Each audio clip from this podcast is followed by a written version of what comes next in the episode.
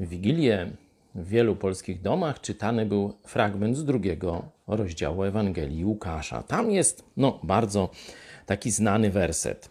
I porodziła syna swego pierworodnego i owinęła go w pieluszki i położyła go w żłobie, gdyż nie było dla nich miejsca w gospodzie.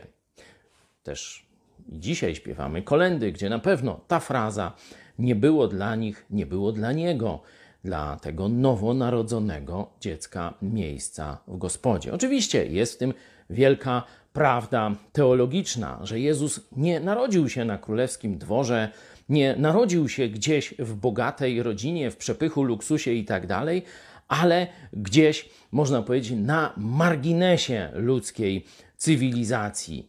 Także nawet, choć przecież zawsze ciężarne kobiety otacza się jakąś pomocą, e, to dla tej rodzącej Marii, jej męża, nowonarodzonego Jezusa, nie było miejsca w gospodzie.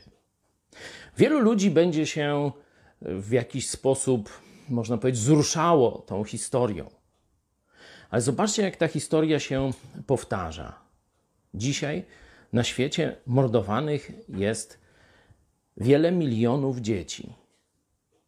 Nie z powodu zagrożenia życia dla zdrowia matki, czy, czy, czy, czy życia, czy zdrowia matki. Nie, nie. Nie w wyniku gwałtów, nie o tym mówię. Zdecydowa- zdecydowana większość aborcji, czyli mordowania nienarodzonych dzieci, to dlatego, że nie ma dla nich miejsca w, powiem ogólnie, cywilizacyjnie, w naszym życiu. Czy jakaś rodzina, czy jakaś kobieta powie, że nie pasuje mi to do mojego planu na życie i dlatego wydaje wyrok śmierci, a lekarz go wykonuje. Kiedy myślimy o tej historii, tak zwanej świętej rodziny, pomyślmy o teraźniejszości, o zmianie swojego stosunku do aborcji, do mordowania niewinnych ludzi, dla których nie ma miejsca w naszym społeczeństwie, w naszych rodzinach.